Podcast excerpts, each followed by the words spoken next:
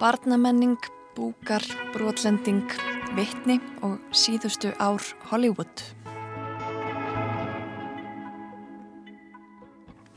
Í viðsjá í dag heimsækjum við Ljósmyndasafn Íslands þar sem verið er að setja upp síningu Kristófers Lund, Vittni.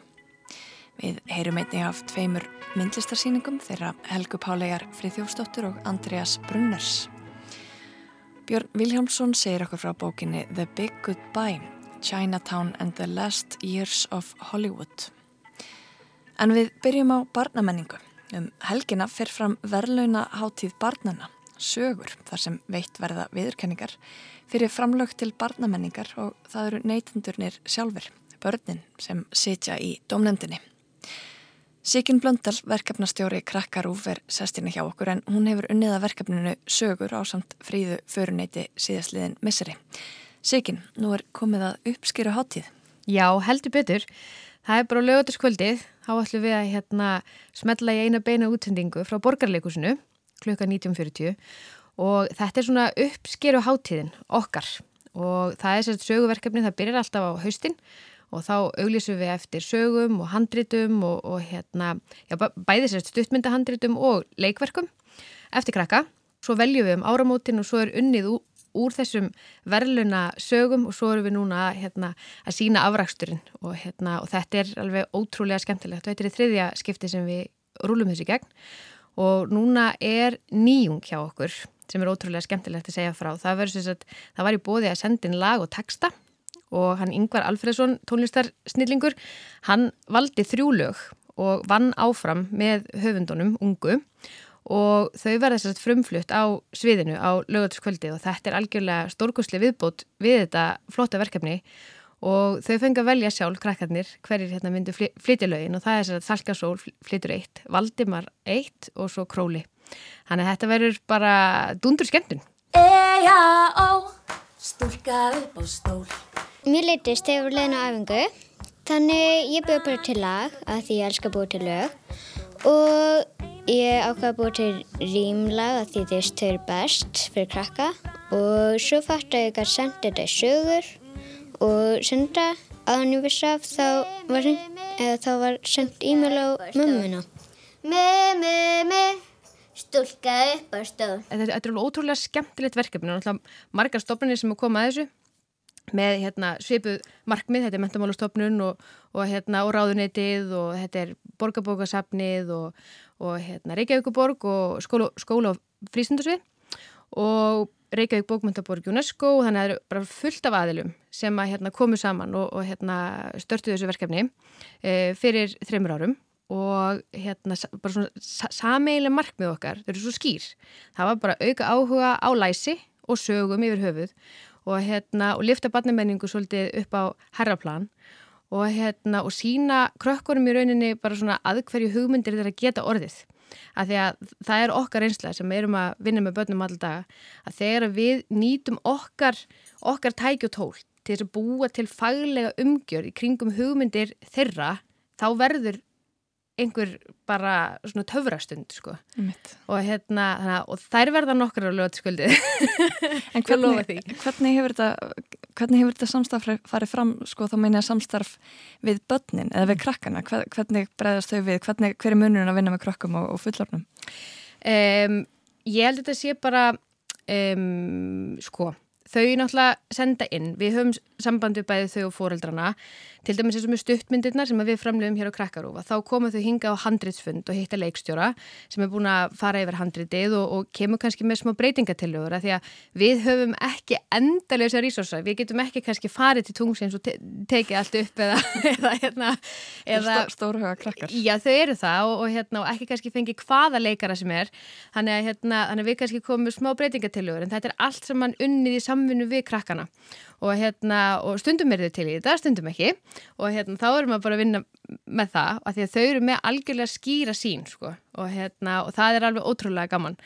Og sögurnar þeir eru líka svo fjölbreyttar og skemmtilegar, þú veist það er ein mynd um, um hérna, alveg stórundalegt sumarfrí og, og svo er önnur um bara, þetta er svona hádramatíst bara hérna, gerist bara nútímanum bara krakkar sem að þurfa að bjarga heiminum að þeir eru allir bara bara farinir eiga samskipti gegnum símana sína.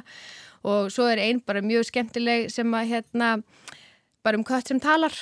Og hérna og svo er eitt um, um kennara sem breytist í kolkrabba það er svona hryllingsmynd, þannig að þetta er rosalega fjölbreytt og þetta er svo skemmtilegt að vinna með þeirra, þeirra hugmyndir.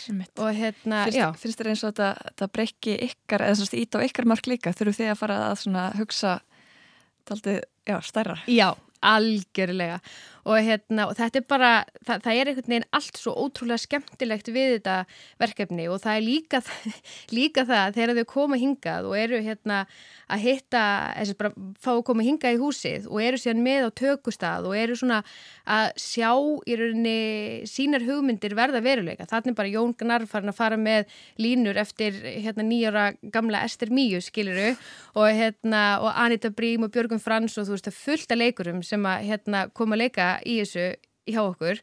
Og þetta, þau, þau eru bara já, ég, ég held ég verði að segja að þetta sé gríðilega hvetjandi fyrir þau til þess að halda áfram. Og líka hvetjandi fyrir aðra krakka að sjá bara, að, herri, ég get kannski bara skrifað sögu og kannski verður hún sér stuttmynd eða sett á svið í borgarleikusinu Akkurat. eða e, e, e, í hérna rafbókinu og Ber Bergrún Íris ætlar að teikna myndir við söguna mína eða þú veist Oft stætti mér bara einhver lög í huganum og prófa að spila þau á píanóið. Það er svolítið erfitt því að vandræða. Eitt svolítið góðan synthesizer á hæfinni. eins og daði með. Jú, það er áttasinnum. Áttasinnum, ok. Finnst þér að lagi mitt flott? Mjög, mjög flott og þarna, veist, bara ótrúlega þetta er svona ungur, ungur maður skulle sem er svona flott, svona flott lag. Þú finnur drópa að falla á baki Hvað hefur breyst í, í samfélagin okkar sem gera það verkum að, að krakkar, að við mætum börnum með já, svona meira jafningja viðmóti? Já, það er svolítið góð spurning. Um, ég veit ekkert endilega hvað hefur breyst. Ég held við bara höfum kannski átt á ykkur svolítið á því að við getum ekki bara talað um komandi kynsluðir. Þú veist, krakkarnir eru hérna núna, þau eru kynsluð í samfélaginu í dag og þau eiga alveg mikið skilið að, við hlustum á þau eins og við hlustum á okkar jafnaldra og hérna að því að þeirra rattir eiga að fá að heyrast í samfélaginu og við gerum e, þeim háttundur höfði með því að, að hérna, vera að e, taka við þeim, e, hlusta á í rauninni bara þessar samfélags ádeli sem að kemur stundum hann í gegn. Ég meina, til dæmis sem var horfður á skrekk, þú veist, þá ertu komin í úlingastíð, þau eru bara oft bara gríðarlega pólitísk og, og ef við hefðum ekki þennan vettvang, þú veist, fyrir þessa krakka til þess að láti sér heyra og við eigum að hlusta á þetta. Já. Núna. Þú veist, ekki bara segja, herjá, þessi enda nú öruglega á þingi og hefur nú öruglega eitthvað. Já, þegar, þegar okkur hugmyndir hafa slípað þau. Akkurat, akkurat. Þannig að, hérna, ég held að við eigum bara að opna eirun við fullorðna fólki, sko. En hvernig finnst þið þá viðmót um, hins, af því ég get næstuði lofa þér að það er ekki margir krakkar að- hlusta þetta einslag. Nei, kannski ekki. En hvernig finnst þér fullorðna fólkið hvað, um, taka til dæmis við þessu verkefni sögur? Gríðarlega vel, alveg gríðarlega vel og hérna, og bara til dæmis í fyrra þá vorum við bara hér í stúdíu A með hérna útsendinguna, þannig að það voru ekkert rosalega margir sagt, áhorfendur, í rauninni bara þeir sem voru tilnæmdir og voru taka múti hérna velunum en það var hljómsveit og, og við vorum þarna að finna heiðusvelun og Ólafur Haugur kom og tók múti heiðusvelunum og það töluðu allir um það þegar vorum búin í útsendingunni, bara vá, þetta er eitthvað algjörlega einstakt, bara stemningin í salnum, orkan, gleðin, brosið og bara einhvern veginn að þetta er allt gert í svo mikilvæg einlægni. Veist, það er, það, það er engin rembingur í þessu, að þetta er allt á forsöndum krakkana og það er einhvern veginn bara, það er allir til í þetta. Og ég held að það skilir sér bara út í samfélagið og bara í gegnum myndavélarnar heim í stofu, sko, hjá þeim sem eru að horfa, að því að það leynir sér ekkert þegar að þau fá að njóta sín, sko Það er enginn í frambæði. krakkarnir. Nei, það er engin í frambóði og það er ekki að kjósa eða neitt, þetta er bara að horfa og njóta á, á hérna, horfa á uh, hugmyndi krakkana lifna við, sko. Lil Kalisa, Big Bisa, Meeting Gardisa og Göttabig Hvernig var lagið til? Já, góð spurning við vorum að koma í íþróttíma og sáum plaggati með upplýsingunum af þessar keppninni og við vorum bara gríni, why not, að senda lagin. Já, við vorum bara ekki að grínast og eitthvað, en svo segi ég bara, hei, ef ég ekki að gera þetta, og við hittumst bara eftir skóla, við gerum textan, tónlistina og við kliftum þetta og settum þetta saman og svo settum við það bara inn. En svo var kostning á netinu þar sem að krakkar fengur tækifæri til þess að velja um, uppáhalds menningar efni, Já. bæði út frá, út frá sínum jafnöldrum en einnig fullorinn sem búa til menningu fyrir börn. Hvern, hvernig, hvernig blasir þetta við? Þetta er bara alveg ótrúlega hérna, skemmtilegt að því að okkur fann svo spennandi hérna, að setja þetta í rauninni bara svolítið á sama stall. Það er bara, það eru sögur eftir krakka og það eru sögur sem að hérna, krökkum finna skemmtilega sem að fullorðinir er að framleiða fyrir þau. Þannig að þetta er rauninni svona eiginlega eins og sko íslensku tónlistavelunin, gríman og ettan og krakkar kjósa. Þannig að það er rauninni allt í bóði. Það er sérst bara vinsilasta tónlistin, þannig að þau velja þarna texti ársins og lag ársins og flytjandi ársins og svo er það sjómastáttur ársins og það er leiksýning ársins og leikari leikon ársins og allt þetta.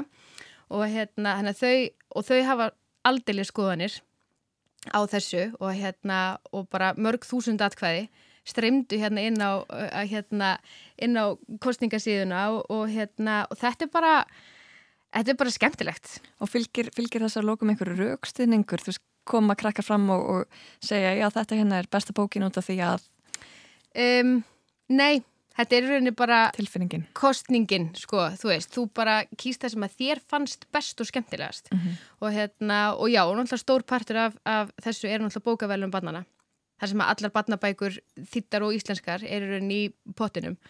Og þau voru búin að kjósa sagt, eh, á bókasöfnum landsins. Þannig að það er sagt, kosið hjá okkur um topp 5 sem, sem að hérna, voru í hérna, eftir 5 sætunum þar og þetta eru risa stór velun og ég veit að það eru margir listamenn sem að tala um að þetta sé svona e, eiginlega uppáhalsvelunin að því að sérstaklega fólk sem eru að vinna mikið í barnamenningu og vinna fyrir börn og skrifa fyrir börn finnst þetta svolítið hérna, skemmtilegt að, að fá viðkenninguna frá börnunum sjálfum.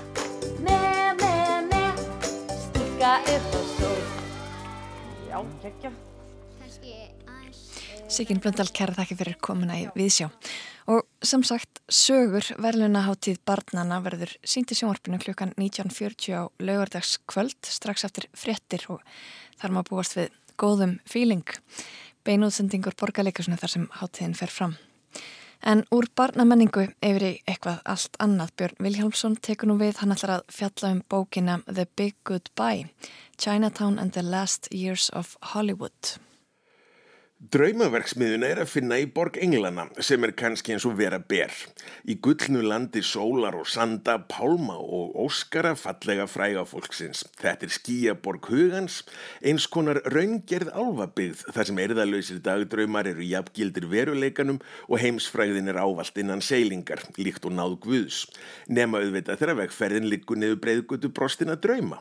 Brosnir draumar, melodramatísk reysn orðana er slíka hugsunin hlítur að eiga rætur í handritafundum í Hollywood, þessu frægasta útkverfi veraldar og kerfismiðju nattræns menningariðinaðar. Bandarísk kvikmyndasaga er jafnframt ítarlegast skrásetta þjóðarbíó sem sögur fara af. Auk þess sem Hollywood hefur í næstum heila öll haft sérstaka unun af því að segja eigin sögu í kvikmyndaformi, allt frá What Price Hollywood til A Star is Born og svo La La Land. Í bókaútgáfinni hefur hins vega tekið að bera á nokkuð nýstarlegri bókategund á þessu sviði. Það er að segja verkum sem á kannski 400 eða 500 blaðsíðum segja sögu einnar ákveðinar kvikmyndar sem þá jafnframt er ásköpuð breyðar í merkingarskískotun en henni dagfarslegu Hollywood framleiðslu.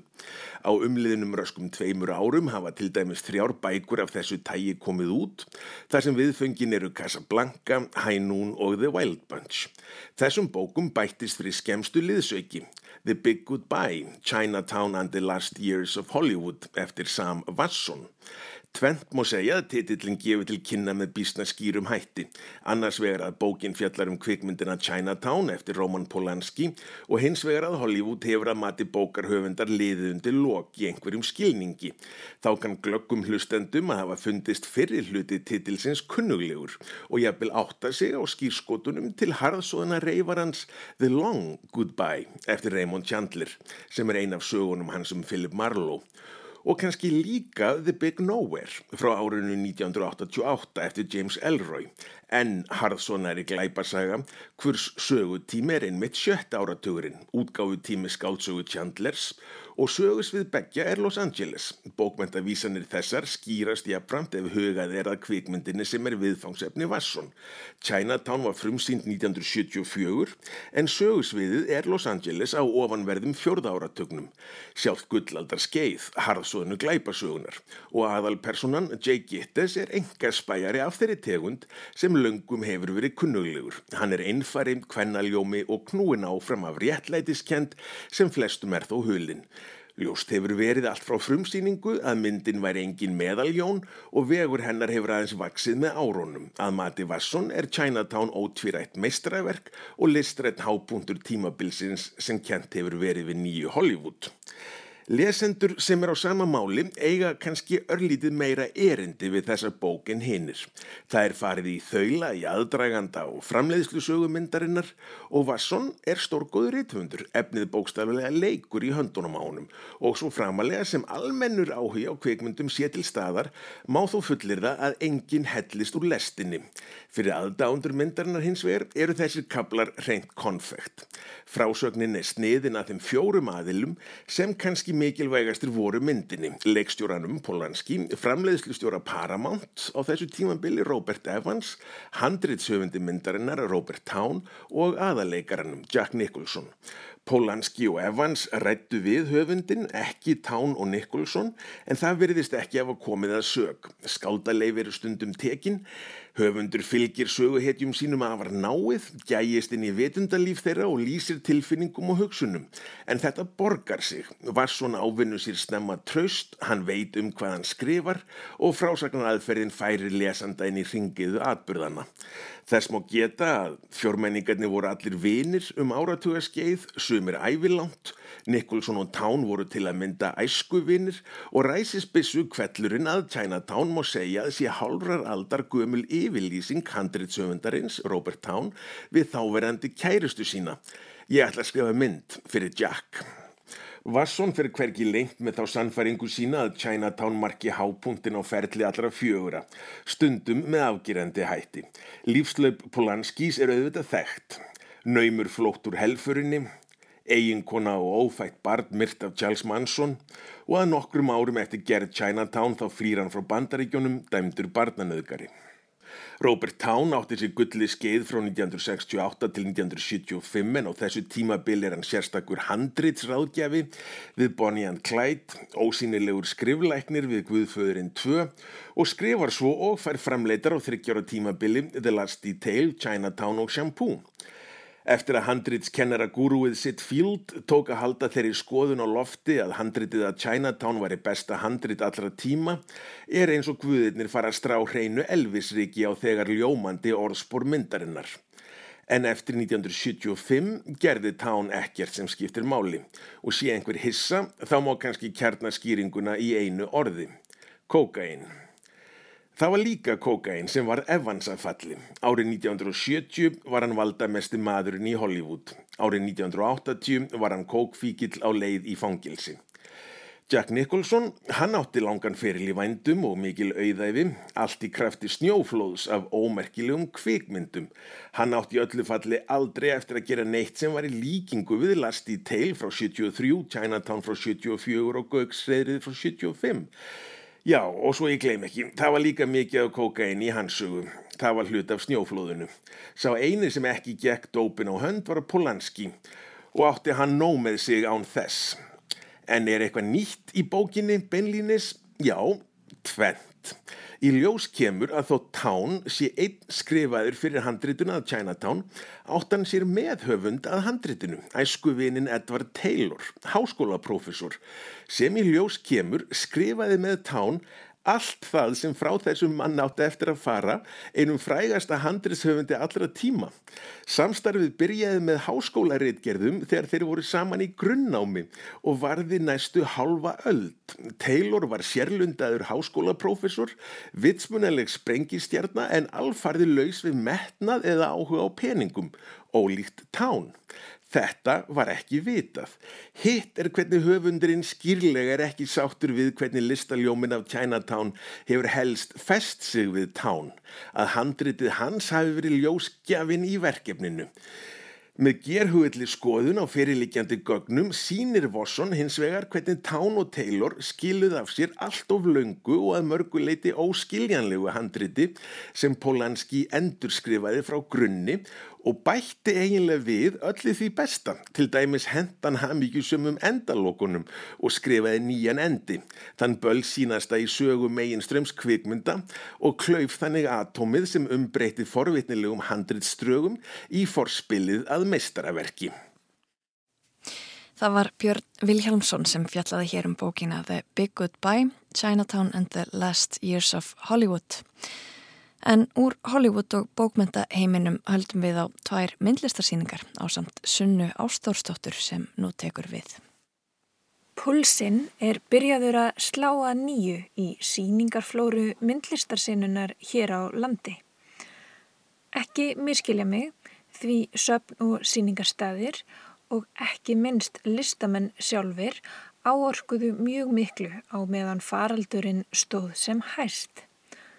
Sýningum var miðlað með skapandi leiðum og sumar jafnvel færðar alfarið yfir á internetið.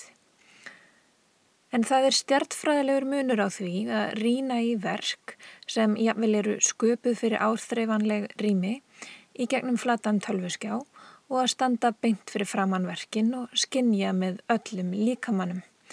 Að átta sig inni í síningaríminu, færa sig úr stað og breyta þannig um sjónarhorn. Einbeita sér að einu verki í einu og snúa um leið baki í önnur verk. Lappa heilan ringi kringum þrývíða skúltúra og nota eigin hæð sem starðar samanburð. Að hlusta á hljóðin eða þögnina og skoða áferð verkana með augunum þannig að hægt sé að finna fyrir efni þeirra á fingurgómunum. Það er einfallega allt önnur upplifun að geta sótt síningar heim í eigin personu og svo ótrúlega gefandi að það sé nú loks möguleiki að nýju. Fjölmarkar síningar standa nú yfir víða um landið og í dag ætla ég að fjalla um tvær af þeim síningum. Enga síningu Helgu Pálegar Friðþjóstóttur í Galleri Port á laugaveginum annars vegar og hins vegar síningu eftir Andreas Brunner í listasafni Reykjavíkur Hafnarhúsinu. Þessar tvær síningar eru ansi ólíkar, bæði að formi og umgjörð og kannski er skrítið að fjalla um þær báðar í sama pysli. En Ímyndið ykkur að þið séuð á leið í sunnudagsgöngutúr og á röltinu ætli þið að heimsækja þá síningarstaði sem verða á veginum. Það eru allar líkur á að þær síningar sem þið skoðið séu alls ekki eins og að ferðin í heilsinni bjóðu upp á ímsar vangaveltur og fjölbreytt hughrif. Fyrsti viðkomustadur er Galleri Port og síning Helgu Pálegar Friðjósdóttur sem ber titilinn Búkar. Verkin á síningunni eru myndrík ólíu og akrilmálverk sem vísa öll í líkamann, búkin, á meira eða minna bókstaflegan hátt. Sum verkana sína greinilegan kropp á meðan önnur gefa aðeins ákveðin form í skinn. Form sem minna á mannslíkamann en virðast innantómiða flöt eins og allt loft eða líf hafi lekið úr þeim. Einnig byrtast síningargestum teinótt klæði, stífaðar buksur og kvítur stuttarmabólur en við gerð síningarinnar hafði Helga Pálei hugan við klæðnað og þá sérstaklega þessar fáu stöðluðu fatastærðir sem tísku yðnaðurinn hefur skapað og passa aldeilis ekki öllum líkamum viðmið sem eru ekki tengd veruleikanum. Og það er einmitt eins og ákveð róf eigi sér stað á síningunni, eitthvað ójafnvægi millir andstæðra póla. Tökum sem dæmi orðið búkar, sem eins og ég nefndi hér áðan er titill síningarinnar. Þetta er orð sem vísar bæði í gamanmál og hrylling. Búkur er klunnalegt og dýrslegt orð og þó að við séum öll hluti af dýraríkinu viljum við sjaldan kenna okkur við hefði dýrslega eðli. Orðið getur komið fyrir í niðrandi og hlutgerandi orðræðu, oft í garð líkama kvenna, en það getur líka verið algjörlega löst við allar hlaðnar vísanir. Búkur er yfirleitt aðeins bólurinn, líkaminn án höfuð svo allra útlima, handa, leggja og fóta og því hugsa við sjaldan um eigin líkama þegar við tölum um búk. Andrumsloftið á síningunni í Port er þó ekki uggandi, heldur sveiplast það á milli kunnugleika og framandleika flatnesku og leik, lífleysi og barsleiri einlegni. Þessi núningur eða kláði einkennir verkin. Pensilstrókurnar eru stórar, óheflaðar og tíðum grottalegar en á sama tíma eru línurnar hreinar og tilfinningalösar. Litapalettan er föl og verkin smita út frá sér yfir á veggi, loft og dyrakarma síningarýmisins sem hafa verið málaðir sérstaklega fyrir síninguna. Það er alltaf gott að hugsa síningarýmið sem hluta af heildinni en hér verðist mér framkvæmdinn örlítið missa margs. Ef eitthvað sakna ég sem áhorfandi þess að geta fundið betur fyrir þeim ákverðunum sem saman mynda umgjörð síningarinnar Mér finnst ekki alveg nóg að mála veggina í sumu litatónum til að skapa samband millir rýmis og verka. Leiðarstef síningarinnar er svo sannarlega áhugavert en spennan hefði ég vel stegmagnast ef skorið hefði verið ögn nýður í fjölda verka og þar með ítt betur undir það samtal sem síningin leitast við að skapa. Að því sögðu nýtur hvert verk sinn vel í sjálfu sér. Helga Pálei nálgast málverkið sem miðil af öryggi og það er hressandi að ganga inn á síningu sem opnar á vangaveltur fremur en að reyna að finna svör við þeim. Næsta stopp er síning Andreas Brunner í DSL Hafnarhúsins sem ber titilinn Ekki brotlend enn. Síningin opnaði örskömu áður en samgöngubann skall á og listasafn Reykjavíkur framlengdi síninguna en það náðu fáir að berja hana augum áður en safnið skellti í lás. Hún er hluti af röð síninga þar sem ungum listamönnum sem hafa mótandi áhrif á íslenska myndlistarsenu er búðin engasíning. Markus Þór Andrisson er síningastjóri. Ekki brotlend en reynir svolítið á áharvendur þá sérstaklega ef gengið er inn í salin með þær væntingar að verkin gefi allt upp samstundis. Þvert á móti þarf að dvelja um stundi í rýminu og sættast við það að hefðbundnir vísar, svo sem efni, form og litur, sem við lestur listaverka beina oft áhörvendum á réttabraud, benda hér í óræðar áttir. Andreas vinnur í ólík efni og verkin sem hann hefur komið fyrir í rýminu, skúltúrar, vídeóverk og gjörningur, verðast fyrst um sinn vera handahófskendur samtíningur.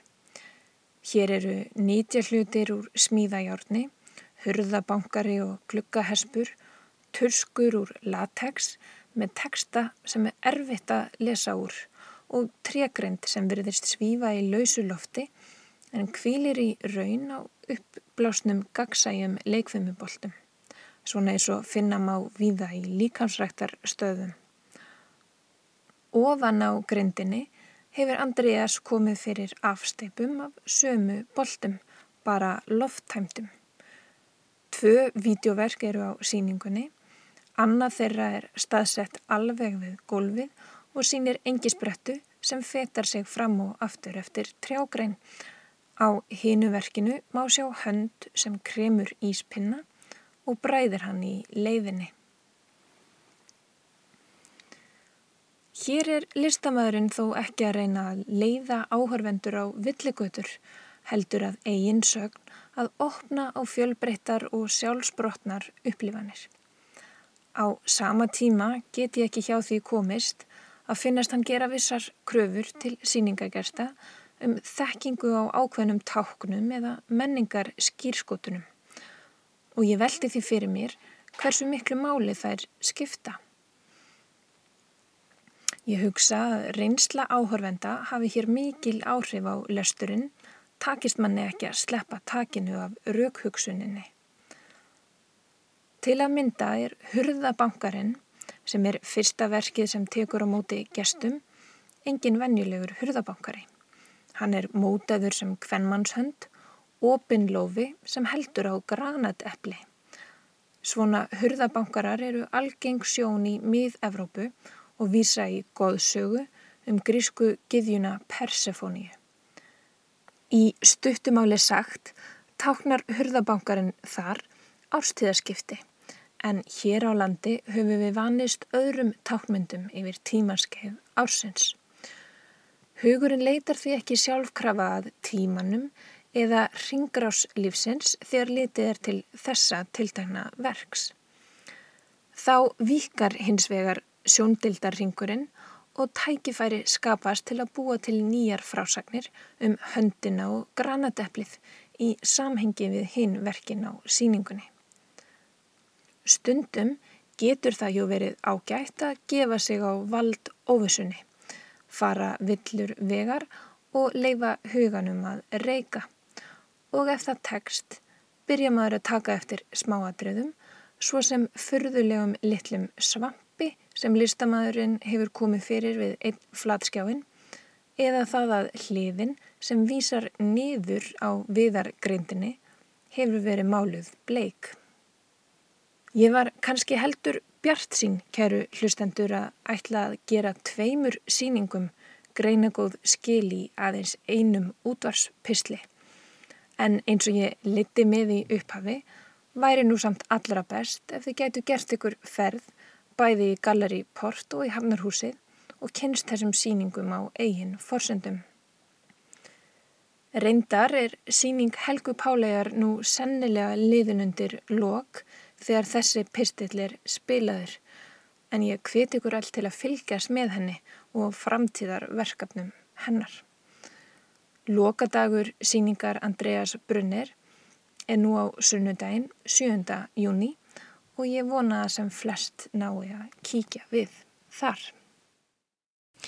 Sagði Sunna Ástórsdóttir. Sunna talaði um mikilvægi þess að mæta á staðin verða vittni að myndlistinni með eigin augum. Engin veit hvað átt hefur fyrir mist hefur. Það voru eflaust margir sem söknuðu þess að geta heimsótt söpn og síningarsali meðan reglur samkominnbansins heftu þann aðgang. Jafnvel fleiri en sækja þessa staði alla jafna. Og nú er alltaf komast á skrið aftur.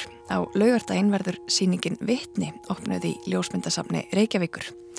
Við kíktum þangað fyrir í dag og heitum þar ljósmyndaran Kristófer Lund sem var að leggja lokahönd á síninguna.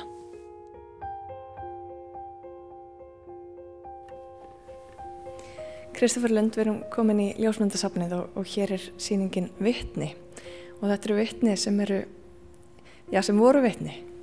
Já, það er nú svolítið merkilegt, þessi vittni eru að mestu horfin, þannig að hérna, það er eh, sérstakt því að ég náttúrulega fór að stað í efninsöflum fyrir þessu síningu meðan að búið hér fullt af túristum og ferðamönnum, gestum, vittnum og hérna þannig að það er merkild hvernig, hvernig þetta breytist svona hratt og, og, og það hefur svona kannski gert að þessi síningar áhugaverðri allavega fyrir okkur íslendinga.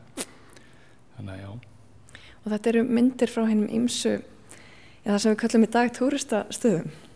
Já, þetta er sem sagt ég er sem sagt ljósmyndari og hef líka starfað sem leiðsögumæður í svona ljósmyndatengdri ferðamennsku síðan 2010 Þannig að ég er svona að lifa þessa bylgu fyrir að þetta byrjar að verða uh, alvöru hérna, bísni sem getur orðið þannig.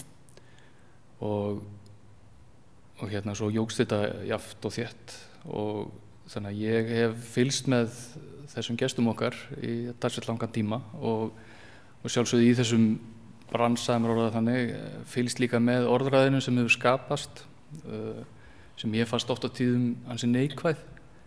Um, ég var svona kannski einn alminni íslendingur eða þá kannski aðalega hérna í höfuborginu menn voru að tala um túrista og svona neikvægt orð og, en svo er nú kannski veruleikin svolítið annað fyrir okkur sem störfum í þessari grein að, að þegar maður er svo í mínu tilfelli þá er ég að ferðast með fólki í litlum hópum, maður bara einn með hópin 6-10 manns, 12 manns í þetta viku, 10 daga. Og þá er maður fljótur að koma staði að við erum allir eins saman hvaðan við komum þó að þetta er menningarmunur. Þannig að mér langaði svolítið að stíga nær þessu fólki sína, sína þetta fólk í okkar umhverfi í þessu íslenska landslægi og aðeins að, aðeins að fá kannski okkur til að hugsa hvernig við komum fram við gestun okkar og um leið náttúrulega vitni svona titillin er svona svolítið kannski líka að maður er að velta fyrir sér veist, þau eru vittni og við eru vittna þeim.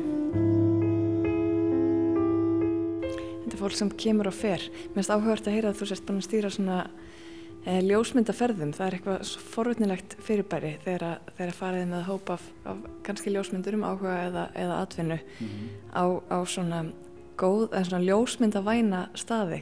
Farið eitthvað að sjá útkominu hjá þeim? Já, já, þetta er eh, sko, þessar ferðir eru oft þannig eins og ég sagði, það eru nokkri dagar og, og svo náttúrulega er þetta á Íslandu lendur í því kannski að fá slemt viður og ég ætti að vera bara einulokkar á hóteli við vetratíman allavega. Og þá er oft bara eh, verið að vinna í myndunum og, og ég að, að, að kannski koma með einhver komment hvað er þetta að gera og, og sína mína myndir og tala um þær og þannig að, og oft á tíðum sko þetta orðiltæki glögt er gest sög að það svo sannlega við hérna því að oft er, oft er maður að ljósmynda okkur í stöðum sem að er svona myndefnið kannski mjög svona augljóst en svo er fólk að mynda eitthvað allt annað á sama stað og þá sér maður oft já þetta er nú alveg skemmtilegt myndefni líka þannig að ég er að græða alveg helling sko. Getur þú komið dæmi um, um, um eitthvað slikt? Já, ég meina það er bara oft þetta að þegar að blasi við eitthvað svona stórkoslegt eins og einhver rosalegu foss eða eitthvað gíl og þá er oft bara að líta aðeins niður, niður fyrir dætnar á sér og þá leynast bara perlur út um allt. Og ég hef séð það alveg greinilega sko ef ég skoða bara mína ljósmyndina síðustu tíu ára ég hef alltaf hægt að rólega farið að fara, færa mér kannski meiri svona mínimalisma og meiri bara form og struktúr heldur en þessar svona stóru yfirlits, kann maður ekki segja, póskorta myndir og, og, og líka farin að laðast bara hreinlega meira af eh, ekki hinnum fullkomnu landstagsljósmynda aðstæðum sem að ljósið er æðislegt og veðrið frábært heldur í þessu drama veðri sem er oft, hérna, umbreytinga veðri er oft mjög gaman að ljósmynda. Mm. En myndina sem eru hér eru marga hverjar, það er svona minna á póskorta myndir en, en svo er þetta í rauninni mannlífsmyndir með. Já, þetta er náttúrulega, þú veist, þar minna á póskortamyndir, sérstaklega þessar myndir þar sem að kannski við erum með landslæði fyrir eitthvað uh, sínilegt, að þess að fólki þá smátt í myndinni og, og eins og þessar myndir hérna er allar teknar þar sem ég er raunverulega bara í vinnunni og við erum að mynda eins og þessar mynd, þrjáru myndir hérna sem er allar frá Stokksnesi en allar á mismöndi ástíma.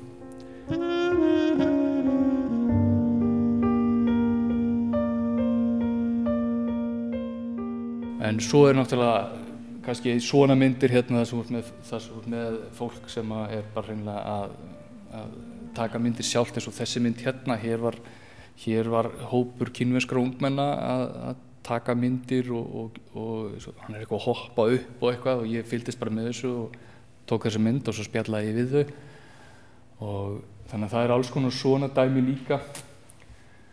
En þetta er og svo fannst mér hérna líka svolítið skemmtilegt hérna þess að maður bara með svona bakliðin á fólki svona að því að þetta er svona þegar maður kemur gangandi svona kemur hérna gangandi að, að reynisfjöruð að dýrulega þá, þá er stundum í svona dumbung fólk er í svona stóru úlpu með hettuna og, og þetta er svona eins og þetta sé eitthvað svona sér sér hérna þjóðflokkur.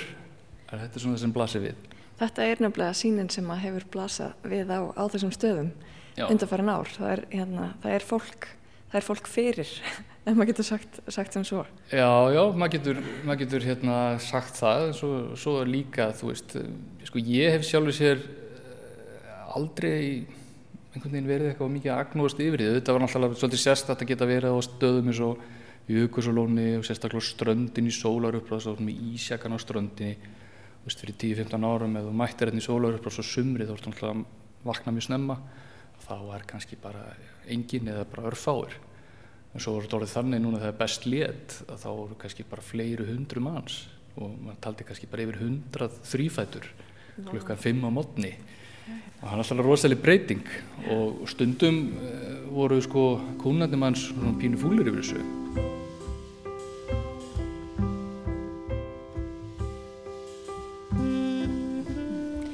var, var fólki þá með ákveðna hugmyndir um staði sjálft eða varst þú sjálfur búin að ákveða þá uh, leiðina og án þess að þau þekktu til?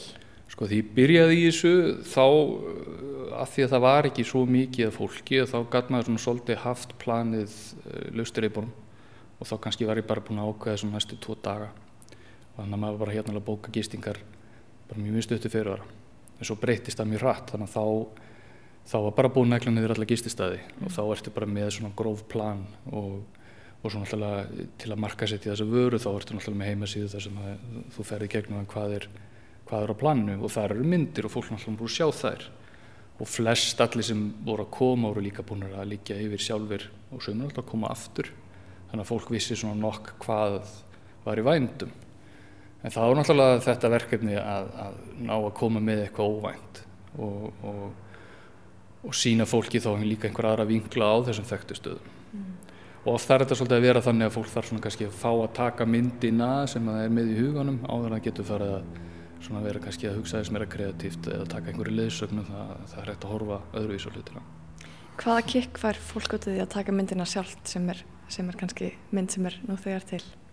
Eða, já, þetta er náttúrulega fáránlega spurningu, þetta er engin mynd, mynd þegar til, en Nei. þetta er samt eitthvað, svona, eitthvað sem er svona uh, áhugaverð áhugaverð löngun að, að fletti gegnum síðu. Þetta er flott mynd, ég vil, ég vil taka eitthvað sem er líkt þessu. Akkurat, já, þetta er mjög góð spurning. Uh, ég veit ekki alveg hvort ég geti svara en þetta þetta er kannski bara svona fyrir fólk sem er að byrja að þá er þetta kannski svona, svona, bara svona staðfesting að ég get líka gert þetta og ég get líka uh, búið til svona ljósmynd sem er falleg og, og sýnir þennan stað en svo held ég að það þróist nú hjá flestum sem að, hvað sem er á hefðin aðdurum en að, að þeir vilja þá reyna að fá sitt auga inn í þekta staði og það er alltaf, það, þá er það miklu meira kikk þú nærða að skila mynd frá einhverjum stað sem er eitthvað nýtt sjónurhótt eða nýjar aðstæður mm. og, og, og það er ofta nýðið sem ferðum að, að hérna, maður sér fólk reyna bara að byrja að þróast eða er hérna opið og líka sér myndir veist, frá mér og frá hinnum í hópnum þá svona byrja fólk að þróast oft og, og það er mjög gaman að vera að vitna því.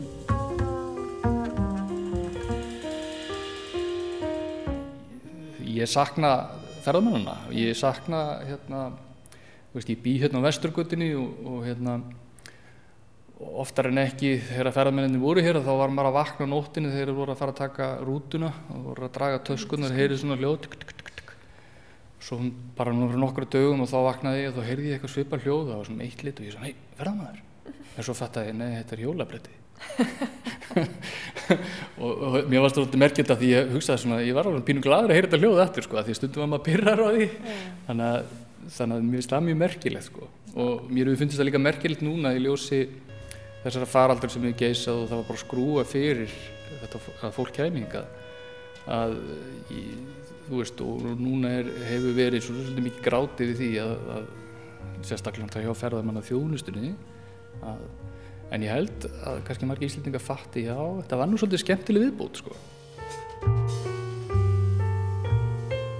En ég tók eftir hérna í enda salarins hinum eina þar eru brúðköpsmyndir er það, er það eitthvað sem að þú hefur orðið varfið, maður hefur séð þetta hjá Sakar Kör í, í París. Er þetta vaksandi á Íslandi að, að um, brúðhjón úr, úr öðrum, frá öðrum löndum koma og, og vilja láta taka brúðgjóðsmyndirna sínar á Íslandi. Já, þetta var uh, orðið að bísna algeng sjón. Uh, þessar tvær myndir hérna í báðum tilfellum með fólk frá Asju, þetta er annars vegar fólk frá Singapúr hérna til vinstri og svo Kína og ég spjallaði við, við þau og þau hérna til dæmis frá Singapúr þau eru hérna með og maðurinn sem er hérna úr fókus í fórgrunni það er ljósmyndara þeirra og þau voru bara hérna í, í vikutíu dag að taka myndir og hún var bæðið með rauðan og hvítankjól uh, ég veit að uh, stundum kemur fólk hérna að taka sér myndir og það er hérna að taka myndinar áður en það gifti sig til þess að hafa í brúkabunni já, þetta er bara eitthvað svona þing sko. wow. uh, þau hérna frá Kína voru mjög undal þegar hérna uh, kennaramentu bæði en þau voru bara eigin vegum og voru að gera þetta svona meira low key eins og við sér þau bara myndaðilum á þrýfætti og, og hérna en það hefur verið töluvert af þessu og fólk kemur að taka svona brúðmyndir uh, og svo náttúrulega líka bara ekkert endilega bara frá Asju heldur bandarækjunum og fólk kemur hérna og giftir sig hérna ég hef sjálfur ljósmyndar þó nokkuð brúköp sem fólk kemur hérna svona, svona destination wedding sko. Það er eitthvað svona það er eitthvað önnur tilfinning sem vaknar í, í mér allavega sem áhóranda á, þessum ljósmyndum þegar ég sé sko þessar myndir sem þið hefur stelt upp saman hér mm -hmm. hér er einstaklingur sem er bara með hendur í vössum að, að, að já, horfir í átti sólar og, og svona tekur náttúruna inn og, og, og svo kona hérna með glerkúlu að velta náttúrunni eða umhverju sínu fyrir sér og svo þessir, eh, þessir eh, ferðarmenn sem koma engað eins og segir stuttatúr til þess að, að eh, nota landið sem eitthvað svona sviðsmynd mm -hmm. það er eitthvað svona hver, hver eru þínar vanga veldur í kringum þetta? Já uh, sko það er oft, oft verið talað um og kannski sérstaklega þá kínverjana að þeir séu sko uh, hérna oft aðalega taka myndir af sjálfum sér þú veist í og maður sér alveg greinilega sko að þetta skiptir svolítið það er fólk sem er, er að taka myndir af náttúrunu og er svona að taka þetta inn og svo eru margir sem eru kannski virðast vera meira að festa sjálfa sig og filmu í þessu umhverfi. Og en ég held miða því samtum sem ég hef átti fólkið að sko það er samt sem aður að taka inn, það er vitni og það er ekki eitthvað svona óbærslega sjálfkverft, þetta er bara einhver annar menningar heimur og einhver annur ég held að þetta, þetta sé eitthvað sem verður náttúrulega rosalega mikið til út af þessum samfélagsmiðlum. Svo náttúrulega ég er nú ekki með myndir af, jú, kannski með eitt svona hérna, áhrifavald hérna, á mynd en eins og sérðu það líka að það er fólk sem kemur sem er greinilega uh, það er þeirra lifibröð að vera svona áhrifavaldur Instagram eða hvað það er. Og það er bara að, að framleiða efni fyrir það. Og þú sér það alveg greinilega eins og það er, þú veist, að byrja að taka henni mynd og svo er það með eitthvað props og er að skoða hvað er að gera og er með, stundum er þetta bara heilt teimi sko. Og það er eitthvað sem er, mér finnst alveg stór merkilegt að það er bara lifibröð og, og svimir hafa það bara bísna gott. Og þá ertu að búa til einhvers konar heim þar sem þú ert hluti að þú ert einhvers svona ferða uh, hérna, influencer mm -hmm. og, og þá kannski gæti mér að segja já, það er nú svolítið bara að vera að nota landi en þetta er náttúrulega allt saman gott fyrir okkur líka og Ísland er náttúrulega svo rosalega myndrænt land. Við sáum það bara þegar eftir EFL-jökul þá kemur svona uh, fókus á Ísland og þá byrjaði þessi skriða að fara stað. Og þetta augli, landið auglisti sér rosalega sjálf bara í gegnum samfélagsmiðluna þetta var hérna setti talsir í peningan einhverju auglýsingaheferðin ég held að það er síður þessi samfélagsmiðlar og þetta sem, sem verður svona rosalega væral það er bara, það er ekkert hægt að setja í svona sko krónutölu á þá kynningu mm og mér finnst við sér að vera að sjá þetta svolítið núna líka bara í gegnum fréttinnar að hvernig við höfum tekist á í COVID. Það er mjög jákvægt orðstýr Ísland sem er jákvæður og oft svona brosið mann og pín út í annað því það er oft svona hérna, vera alveg við sem svo ofbásla snið og klár sko.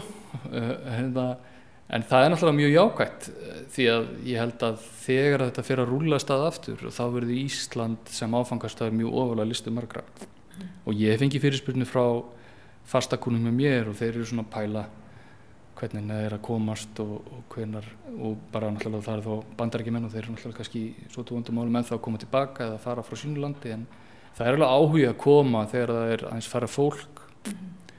þannig að ég er svona ég leiði mér alveg að vera bjassít sko. En ég held að það ekki tíma, við erum ekki að fá 2 miljónur túrista ári yttur og bingo sko Ég mitt svo helst að þetta hendur að, að vittnin koma að taka myndir, deila þeim og, og vekja áhuga.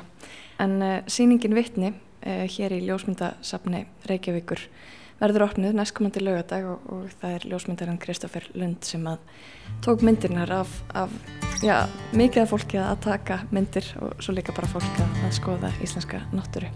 Til hafmyggjum með síningunum Kristófer. Takk að þið fyrir. This morning if it always gone Funny thing wouldn't faze me none. Might feel like I just got home. You know, I always had a taste for traveling alone. I only get this one time around. Better speak up straight. Better speak up proud. Good Lord, if he's not at home. Well, I always had a taste for traveling alone. Oh, if I had a son, I would make him laugh. I would teach him something. Say, son, you gotta hold your own, have a taste for traveling alone. Hér ómar lagið Traveling Alone með tónlistarkonunni Tift Merritt. Áður var rætt við ljósmyndaran Kristoffer Lund í ljósmyndasafni Reykjavíkur en hann opnar síninguna Vittni á lögadaginn kemur. If I had a love, I would say, man, got to keep. Got to lay down, baby, feel my soul. Cause you know I got a taste for traveling alone. Oh, if I had a song, I would sing it now. Wouldn't take too long. Ef tré fellur í skógi og engin er nærri, heyrist þá hljóð. Vittnin leika leiki hlutverk í skrásetningu sögunar, í sögurskoðuninni líka.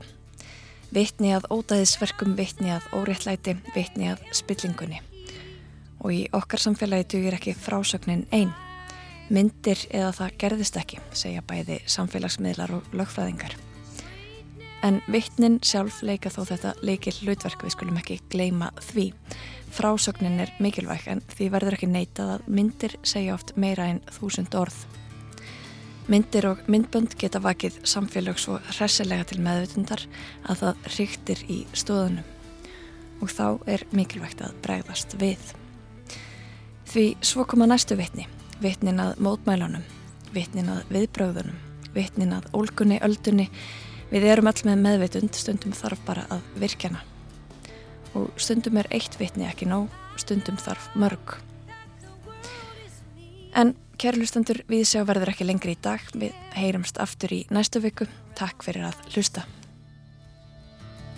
Like a pretty girl, don't even know I guess everybody here is traveling alone Cigarettes and a pickup truck I'm gonna leave this town now I got to press my